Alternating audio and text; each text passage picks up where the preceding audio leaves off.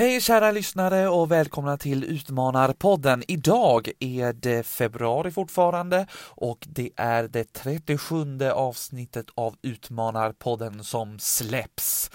Jag, Magnus Karlsson och ledarskapscoachen Ingmarie Rundvall pratar idag om tillit. Vi har pratat om det förr, bland annat i den första säsongen i avsnitt 4. Då vänder vi och vrider på ordet tillit, men vi tar tillbaka det här ordet, för nu står vi inför en stor uppgift. Vem kan man lita på i dagens samhälle? Och det gör vi ju faktiskt hela tiden i vardagen. Tänk på det när vi reflekterar om stora och små saker som handlar om tillit. Och det är faktiskt en hel del melodier som kommer fram i dagens avsnitt också. Du får höra mig sjunga. Vi kommer också under våren att ha ett avsnitt som är frågor och svar. Så att gör så här, gå in på vår LinkedIn-sida och skriv till oss. Vad vill du få reda på? Det kan vara allt stort eller smått. Det kan vara personligt, det kan vara eh, arbetsrelaterat eller vad det nu du är nyfiken på att veta mer om. När du ändå lyssnar på det här i din poddapp så gör så här att du ger ett omdöme. Då kommer vi högre upp i ratingen och fler kan hitta till oss. Det blir vi otroligt glada för. I det här 37 avsnittet så handlar det alltså om tillit. Nu kör vi!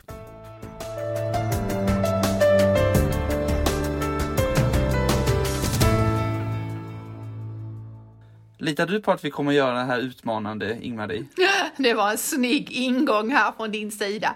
Nu kommer inte lyssnarna veta något vad vi ska prata om, men snart kan de ana att det kommer att handla om mm, tankar som har att göra med både mig själv som människa och ledarskapet. Mm. Och Jag litar i alla fall på oss två, att vi kommer få en reflekterande stund tillsammans. Absolut, vi ska reflektera och vi ska göra det utifrån en lyssnarfråga som handlar om det här. Jag får ofta frågan typ eh, eh, ska se om jag kan summera ungefär tongången i den eller in, andemeningen är vad behöver man som ledare göra annorlunda när förändringar nu så himla snabbt sker? Eh, eller vad är det egentligen som har förändrats? Eller eh, krävs det nya förmågor att leda idag? Eller är det samma? Eller ja, ungefär där får jag rätt många frågor. Ah. Då ska vi försöka bena ut det här då. På något sätt. Ja, för det är ju lite det som vi vill med, med podden.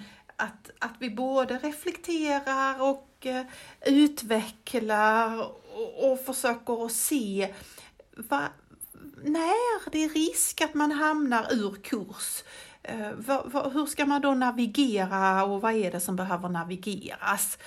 Eh, och jag blir ju glad varenda gång vi får från de här frågorna, för på något sätt så ska vi ju tänka att vi startade ju faktiskt den gemensamma podden för att, vad ska man säga, vi ville öppna dörrar som leder mot eh, större genomförandekraft, mer tillit, mer medskapande, mer innovationer, både en, alltså en hållbarhetstanke både i arbetslivet och i livet. Mm, verkligen. Eh, och då tänker jag, om vi börjar där. Eh, är det okej okay för dig Magnus? Absolut. Shoot! Då tänker jag att vi skulle börja med det här. Är det någonting som är annorlunda nu eller är det inte det? Eh, och finns det några eh, rådande tankar omkring eh, ledarskap nu som inte var aktuella innan och sådär? Och antingen så letar jag ju upp siffror eller så letar jag upp ord. Så nu börjar vi med siffrorna och snart kommer det ord. Okay. Så då börjar vi med siffrorna. Vet du hur många som var utbildade på universitetet av eh, vi oss svenskar 1970. Oj, det, jag tänker att det kan inte vara så hög eh, procent, tänker jag. Eh, kan det vara någonstans eh, 10 procent kanske? Ja, det var faktiskt inte så illa gjort av dig. Eh, statistiken säger 8 procent. Jaha, ja men okej, okay, med lite felräkning och lite sånt får man väl tänka Absolut, igenom, så. så 8 procent. Uh, uh, och så hoppar vi till 2020, det vill säga 50 år framåt blir det då va? Mm, 50 år. Mm. Hur många är det nu Eh. tror du som är utbildade på universitetsnivå? Jag tycker att den är ganska hög. Jag tror att den har vuxit ganska bra. Kan den liksom ligga kanske kring 50-60 procent, något sånt? Faktiskt lite fel. 43 procent om man nu ska ha det på exakt siffra. Ah, okej. 40 procent. 43 procent. Ja, Jag tror faktiskt att det var lite, det, det känns som att det har blivit ännu fler. Men man, man förstår ju ännu mer det här som jag minns när jag liksom växte upp. eh, Man sa att du vet, det är han där borta, han har gått på universitetet. Det var väl väldigt fint och väldigt eh, så liksom, oj vilken auktoritet man fick då kan jag tänka mig. Ja, Eller? man visste i alla fall vem det var ju, för det var ju han som hade gått på universitetet liksom. Va? Så man behövde inte säga någonting annat vad han hette eller så, utan det var ju han som hade gått på universitetet. Mm. Så där någonstans har det ju hänt någonting. Och med det så tror jag också att det har hänt någonting med det som man kallar makt. Förr var det ju då så att om vi då hoppar de där 50 år bakåt så var ju kunskap en maktfaktor. Hade du kunskapen hade du ett kunskapsövertag. Det var väldigt få som hade den här kunskapen eller informationen så man verkligen lyssnade på den personen. Man var tvungen att, att lyssna på den personen. För sen blev det ju så att ju fler det var som hade kunskap så blev det ju information blev också en maktfaktor. Eh, Jag kommer ihåg att de allra första ledarskapsböckerna jag läste, de hade väldigt fokus på det här, och nu pratar vi om när jag läste dem för länge sedan då, väldigt fokus på informationsövertaget. Så man verkligen skulle fundera på som ledare, vilka skulle man ge information? För när man hade fått information då fick man makten. Och ju längre närmare ledningen man sagt, desto mer makt hade man därför att man hade informationen. Ah, Okej, och nu pratar man ju istället om den här transparensen, att man ska försöka Människor vill ha så mycket information det bara går för att känna sig trygga i en viss situation eller sådär. Absolut, man pratar om det Magnus, men vi ska inte glömma att i många organisationer eh, med en hierarkisk struktur eller med stora förändringar så är det ju fortfarande information på något sätt som är en maktfaktor. Om ni ska bli eh, tradade på eh, aktiemarknaden eller om det ska hända stora förändringar eller uppköp eller så, så är det ju en liten krets som sitter med informationen och man verkligen funderar på vem ska få informationen. Vågar vi släppa in Karlsson också här? Nej, inte Karlsson. Vi tar Persson, han kan vi lita på och sådär liksom. Det är naturligtvis inte förändrat i grunden utan att det är ju fortfarande så att har man kunskap och har man information så har man ju också påverkansmöjligheter. Men det hände ju någonting i och med att internet kom. Helt plötsligt så började vyerna vidgas. Absolut, det vände ju upp och ner på det mesta.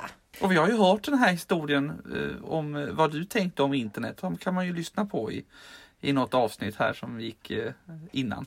Ja, det som var kopplat till mitt eh, första fortkörningsböter. Så det är ju lite spännande. Ja. Mm, det får, den avslutar vi, avslöjar vi inte en gång till. Så eh, nu när man ser på internet så kan man ju fundera på, är det den största förändringen som vi har varit med om? Eller är skrift, när skriftspråket kom? Eller när boktryckarkonsten kom? Men alltså vi pratar ju verkligen om något som liksom förändrade alla människors möjligheter. Ja, och det, det, någonstans i det, du- de här exemplen som du nämner så hänger det ju ihop egentligen. Man kan ju verkligen säga att, att internet eh, verkligen är en sån där, en, en milstolpe Eh, i, vårt, eh, i vårt moderna samhälle som vi har fått vara med om. Och vi har ju pratat om det flera gånger i Utmanarpodden eftersom vi vill vara med och fortbilda, utbilda, öka lärandet så har ju synen på den förändrats inklusive möjligheter för människor att eh, vara med och påverka både sitt eget liv men också det runt omkring eftersom man själv kan skaffa sig informationen. Utifrån det så skulle jag vilja säga till de här eh, ledarna som ställer frågor till mig. Ja, vad är det då man behöver? Vad är det något som är nytt nu i att vara ledare och så? Ja, men på något sätt är det ju nu för att nu blir ju ledarens roll att, att sätta in den här sakkunskapen och sätta in informationen i ett större sammanhang vad betyder den här kunskapen? Eh, vad kan vi dra för slutsatser utifrån olika informationskällor som finns och så? Och som jag tycker alltså, om att, att tänka alltså, tänk, i, i rutor och mönster så tänker jag man kanske skulle säga så här att förr var kunskapsövertag makt. Sen var informationsövertag lika med makt. Och nu är kanske tolkning lika med makt. Att man klarar av att tolka mönster. Man klarar mm. av att se och, och, och koppla ihop olika komplexa system och se vad har det för betydelse. Koppla ihop all den information som faktiskt kommer och få se någonting nytt eller hur det hänger ihop eller hur ska vi komma vidare framåt med det? Är det det du menar? Ja, tolka det, eh, se sammanhanget, försöka förklara och vägleda i allt det här. Då nyår var vi ju alla med om en händelse eh, där det blev uppror i, i USA i samband med Verkligen. tillträdet av den nya presidenten. Då kan man säga att ja, men det är ju en sån där händelse. Vi kan ju få information allihopa. Eh, vi kan ju skapa, skaffa oss kunskapen om vi så vill eh, och förstå hur senaten hänger ihop med rösträkningen och, och hur de styr och presidentens roll och sådär. Det kan vi också förstå som en kunskap. Och den är ju öppen den kunskapen också, det var den ju inte innan. Den är öppen, informationen och bilder och alltihopa var öppna. Men ändå så har vi ju ett behov av att någon är med och hjälper oss att tolka. Vad har det här för betydelse? Varför hände detta nu? Eh, vad, vad, är det för eh, bakomliggande faktorer? Och framförallt, vad kommer det påverka framåt? Och sådär. Det tror jag är det nya i att, att koppla ihop kunskapen, informationen till att tolka och, och vägleda framåt. Där har vi också ett ansvar som individer att all den informationen som vi får, att, eller som vi läser oss till eller sådär, att faktiskt också titta på den uppifrån och se, är det här relevant information eller vad är mer fake news eller vad är den riktiga sanningen här och försöka ta reda på att inte gå på eh, om bara ett spår i informationen utan gå på flera spår och tolka den. Hur ser, hur ser verkligheten ut där på andra sidan egentligen? Vi får ju kanske bara en liten del av informationen, men då måste vi sätta ihop alla de här informationspusselbitarna till ett enda stort pussel. Ju mer tiden har gått och ju mer sociala medier det finns och så här som också går på algoritmer som bestämmer vad vi ska se och läsa och så där, så behöver vi ju faktiskt det, det sätter ju mer, inte press, men vi behöver gemene man se på den information som kommer och eh, veta hur vi ska tolka den. Ja. Och, och, och, vad som då behövs är ju på något sätt, det är ju tid. Och det behövs tid på nya sätt. För ju mer digitaliserat samhället blir, desto mer tid och energi behöver vi människor ge till varandra för att skapa tid för samtalet, skapa tid för att lyssna in varandra, tänka de längre tankarna. För det är ju det vi pratar om här, man måste koppla ihop det i de längre mm. tankespåren. Skapa förståelse. Och det tycker jag på något sätt känns jätteroligt att leva i den tidevarvet där där eh, samtalen, inlyssnande, tolkningarna, längre tankar och så är, är viktigt.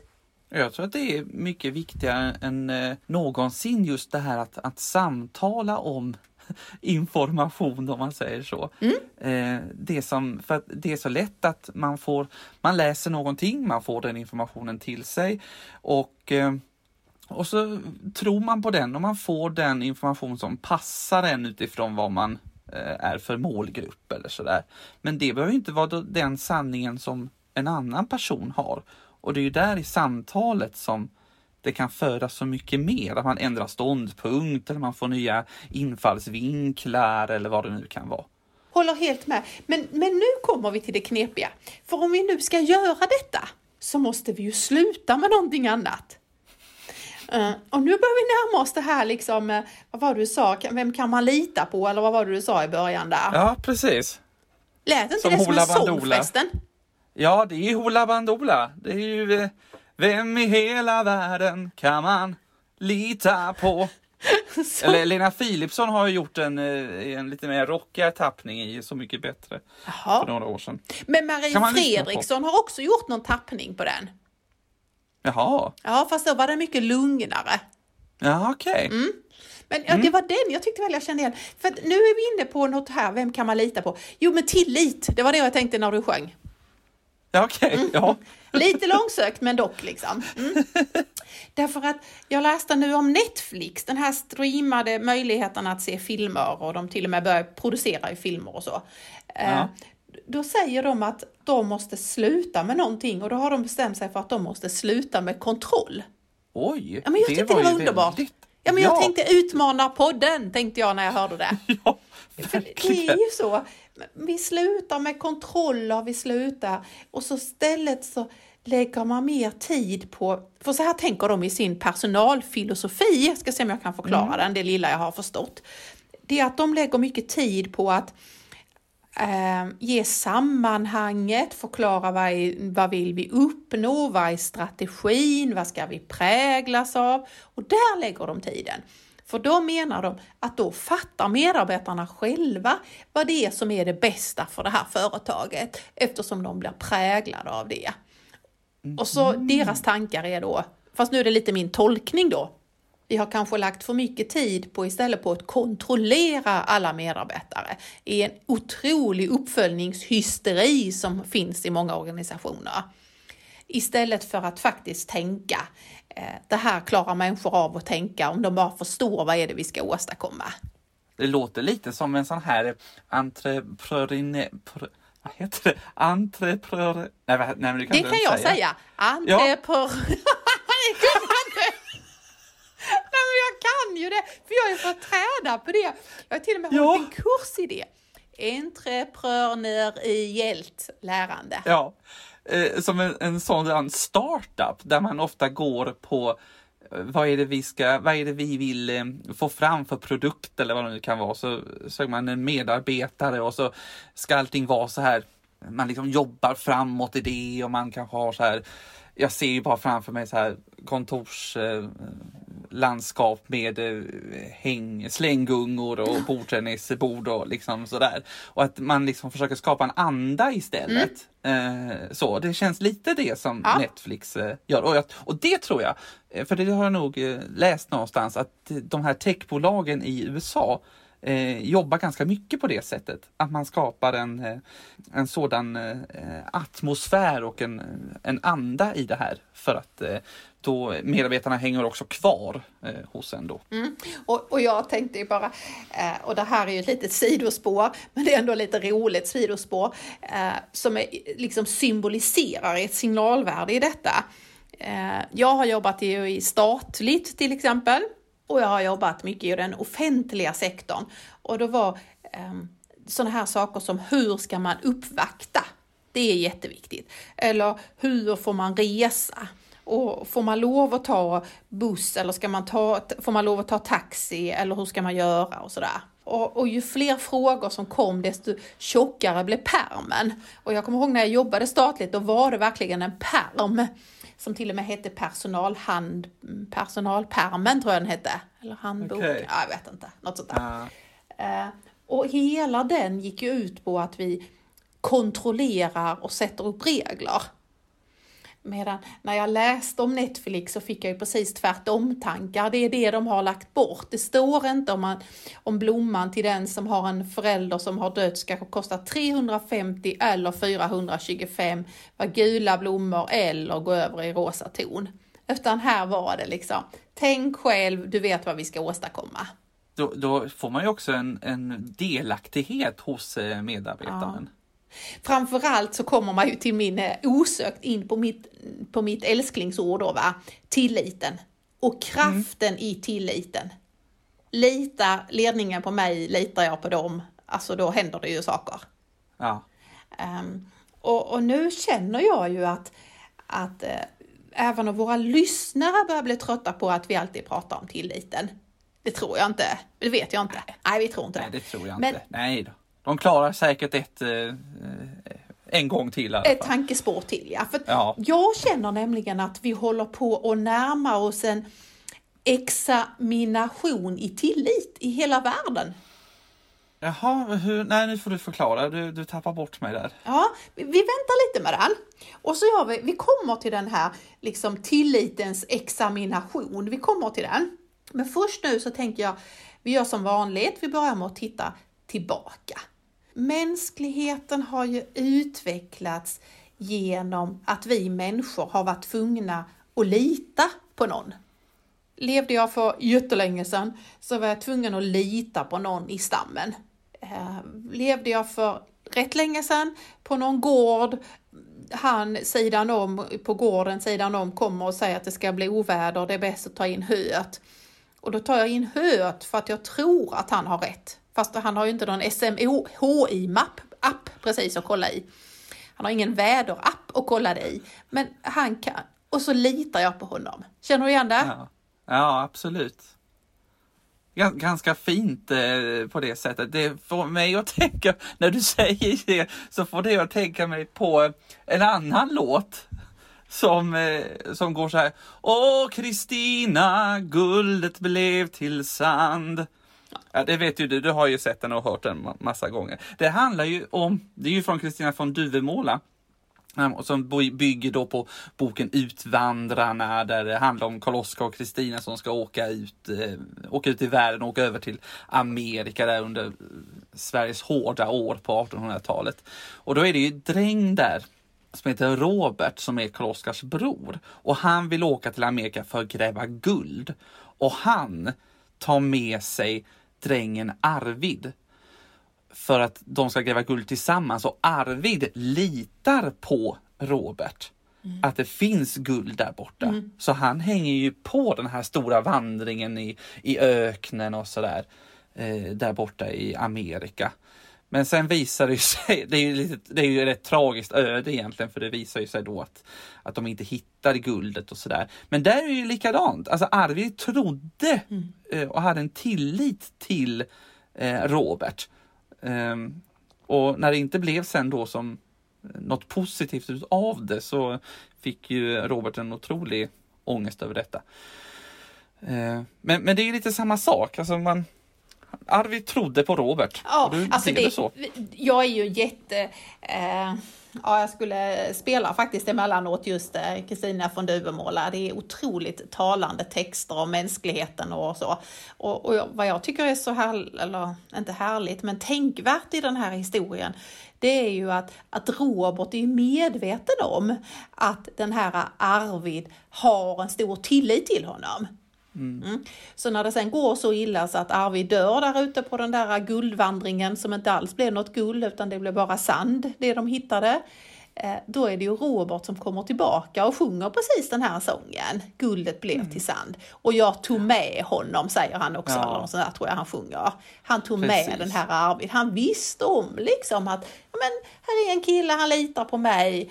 Usch, jag vet inte riktigt, men okej, okay, jag tar med honom. Och han och sen den här ja, otroligt eh, tänkvärda texten som går ut på mm. att han såg. Det är ju en otroligt målande text också och i den här den här musiken som är i det här stycket ger ju också, man får ju se bilder, man kan känna med Robert i alla hans tankar och känslor som han har utsatt sin bästa vän för. Väldigt värd att lyssna på. Och, och, och då tänker jag, det här är ju någonting helt annat, på tal om det som nu är inne i och, och som ofta är frågan till mig, vad menas med en tillitsbaserad styrning? Ja, det är kanske detta som menas på något sätt, att, att det är den här grundläggande tilliten mellan människor som är tvådimensionell. Det är ju en palindrom som vi har lärt oss, det är från båda hållet. Och i den här fallen så är det mellan två stycken som båda två har åkt över till Amerikat. Uh, och så va. Uh, och, och, och där någonstans är vi ju dagligen i en tillit. Alltså om jag ska köpa någonting så måste jag lita på att den som säger att uh, ja men det här är okej, okej, men då köper jag det då. Mm. Eh, vad jag än ska göra, så flera gånger per dag så, så ins, är vi ju i situationer att vi måste lita på någon annan. Tänk mm. bara till exempel när vi sätter oss och kör en bil. Mm. Vi måste ju lita på att de andra håller sig på sin sida av vägen och jag håller mig på min sida. Verkligen. Eller när man eh, bara handlar eh, på, eh, på Coop och att de här, man, man tycker att de här priserna är bra satta för just mig. Eh, Vi litar ju på butiken och på företaget som säljer det. Och sen sätter vi oss i kollektivtrafiken och litar på att de som har de jobben att föra fram de fordonen sköter sig på jobbet just idag när jag åker. För att inte tala om eh, självkörande bilar som mer och mer börjar komma. Där man kan trycka in en autoassistans på pilotkörning, det vill säga att de kör relativt själv och följer de vita linjerna. Ja. Eh, Det är ju liksom ett test på, eh, på tillit, eller hur? Ja, sen har vi ju de här liksom eh, kreditkortsuppgifterna som vi eh, delar lite hit och dit på diverse sajter när vi ska köpa något eller ge en prenumeration eller vad det nu kan vara för någonting. Ja. Då litar vi ju på att den tekniken tar hand om våra uppgifter på ett säkert sätt. Det får mig att tänka på när man ska ladda ner ett program på datorn till exempel så brukar det komma en, ett, lång, eh, ett långt dokument om eh, om ett, eh, jag vet, inte, avtal kan man väl säga. Om man så här läser igenom det här och, eh, eh, och så brukar det vara på hur många sidor som helst. Man, och det är inte så ofta man läser det precis. Då klickar man bara okej på det och så går man vidare och så laddar man ner appen eller programmet. Men vi litar ju på Ja. att, att, det, att det funkar och att vi inte ska bli utsatta för någonting. Nu fick jag en annan sång i huvudet Magnus, mitt Vadå? när vi var inne i det här djupa med att vi tilliten och så. Då fick jag in en sån här frågesportsfråga. Vem kan du lita på? det förstår inte jag. Nej, jag bara kom på Thomas Ledin. Har han...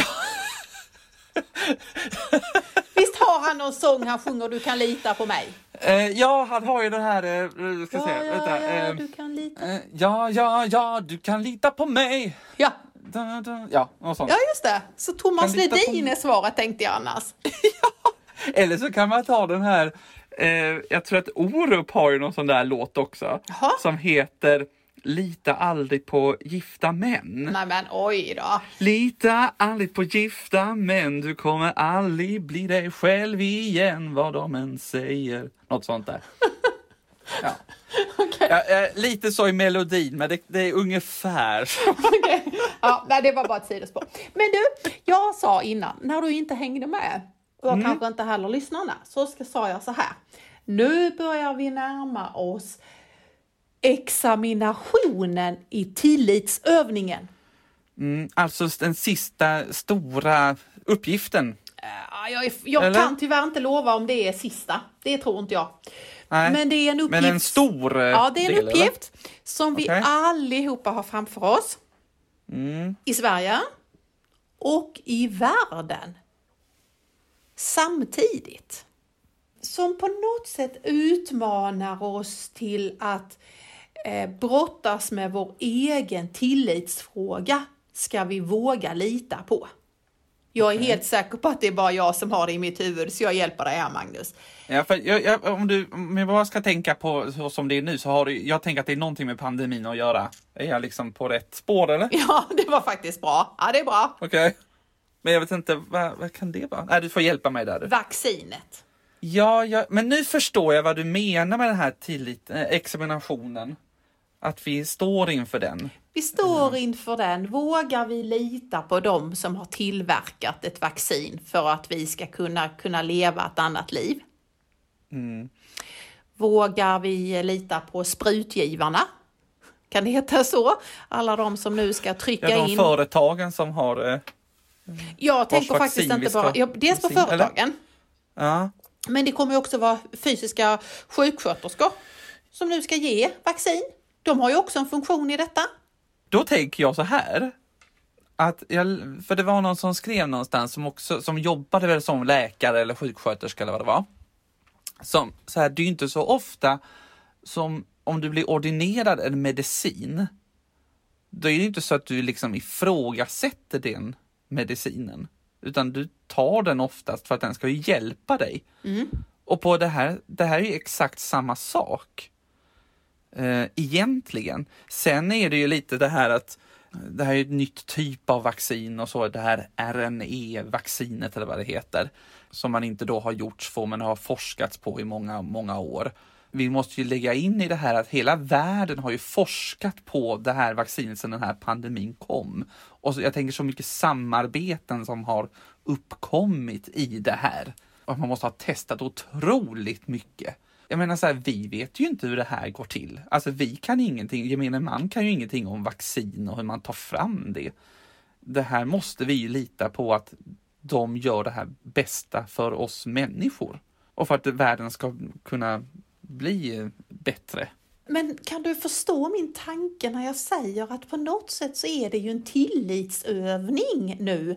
För det är ju ändå en hel del som funderar på, ska de ta vaccinet, ska de inte ta det? Och utifrån vad du säger med den här eh, parallellen till att om man hade fått eh, annan medicin utskriven så hade man ju inte, det är ju också en tillitsövning. Tror verkligen läkaren att jag ska ha den här medicinen? Ja men då får jag väl ta den här medicinen då. Eller tror verkligen att bonden att det kommer att komma ett oväder och jag ska ta in höet nu eller att jag ska flytta in mina kor i stallet eller någonting. Det är också en tillitsövning. Det som är speciellt nu är ju att ett, världen är otroligt upplyst.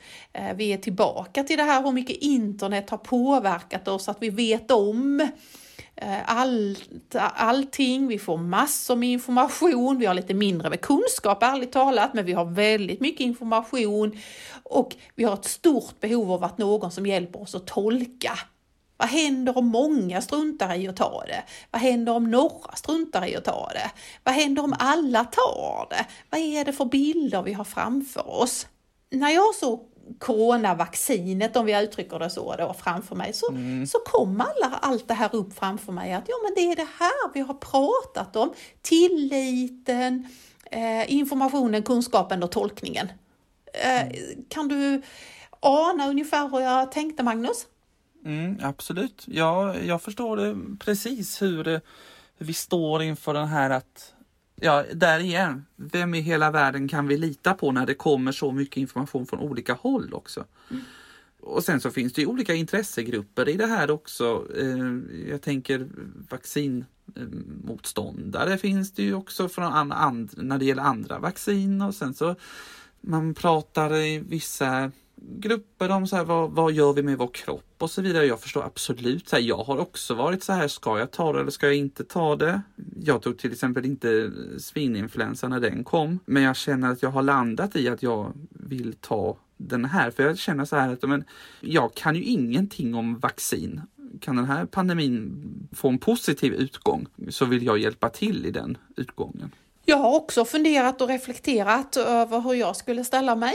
Eh, det är ju lite det vi säger att vi gör, Magnus, du och jag, så det är klart att vi har mm. gjort det också. Det har jag också gjort. Men jag har kommit fram till att för mig handlar det om tillit.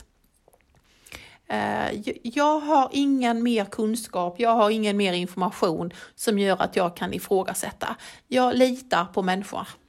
Eh, jag mm. litar på människor när jag är ute och kör bil, jag litar på människor när de eh, säljer någonting till mig. Jag litar på när du säger till mig, Magnus säger tryck på den röda knappen så blir inspelningen bra till podden. Då gör jag det liksom, utan att fatta vad den röda knappen har för betydelse. Eh, och jag litar också på de som har tillverkat vaccin. Om man ska dra en liten parallell så är det väl så här att vi i Sverige, vi, vi tror ju ändå, eller väldigt många tror på menar, auktoriteter eller, eller tror på att de som kan det här ämnet, de, de kan det där, de kommer göra det bra för oss och, och sådär. Till skillnad liksom från, jag tänker, vårt kära Amerikat mm. som vi pratade om innan, där man inte har det förtroendet för staten eh, och utan man vill ta allting i egna händer. Och på något sätt så kan jag tycka att det är vackert i vårt land att vi vågar lita på människor eh, och att vi vågar lita på att andra människor ska göra det bra för, för många. Mm. Vad fint! Det var ju nästan liksom lite slutord på den Magnus. Mm. För idag har vi ju reflekterat över med hjälp av lite sånger, vem kan man lita på? Uh, vad innebär det att man har tillit till varandra? Och vi var ju inne på väldigt liksom basic nivå, det som är det som vi faktiskt har med oss in i, i, i nästan i vardagen, där tilliten har blivit som självklar del. Mm. Och sen har vi väl eh, på något sätt också offentliggjort vad vi står i frågan omkring vad vi vill göra för att visa att vi litar på dem som har hjälpt oss att hitta ett nytt sätt att leva i världen. Vi börjar ju ledarskap. Ska vi sluta i ledarskap, Magnus? Ja, det tycker jag, för vi, det är ju någonstans eh, ledarna som vi vänder oss till i många frågor, tänker jag. Vi brukar sluta med något klokt. Har du något klokt? Ja, men jag har ett här. Så jag, jag, jag tar det, Ingmarie. Ja. Då låter det så här. Ledarskap handlar om att inte vänta på att andra ska förändra världen, utan att leda förändringen. Far och mor är döda och våra släktingar har tagit gift och alla våra vänner har valt sig själva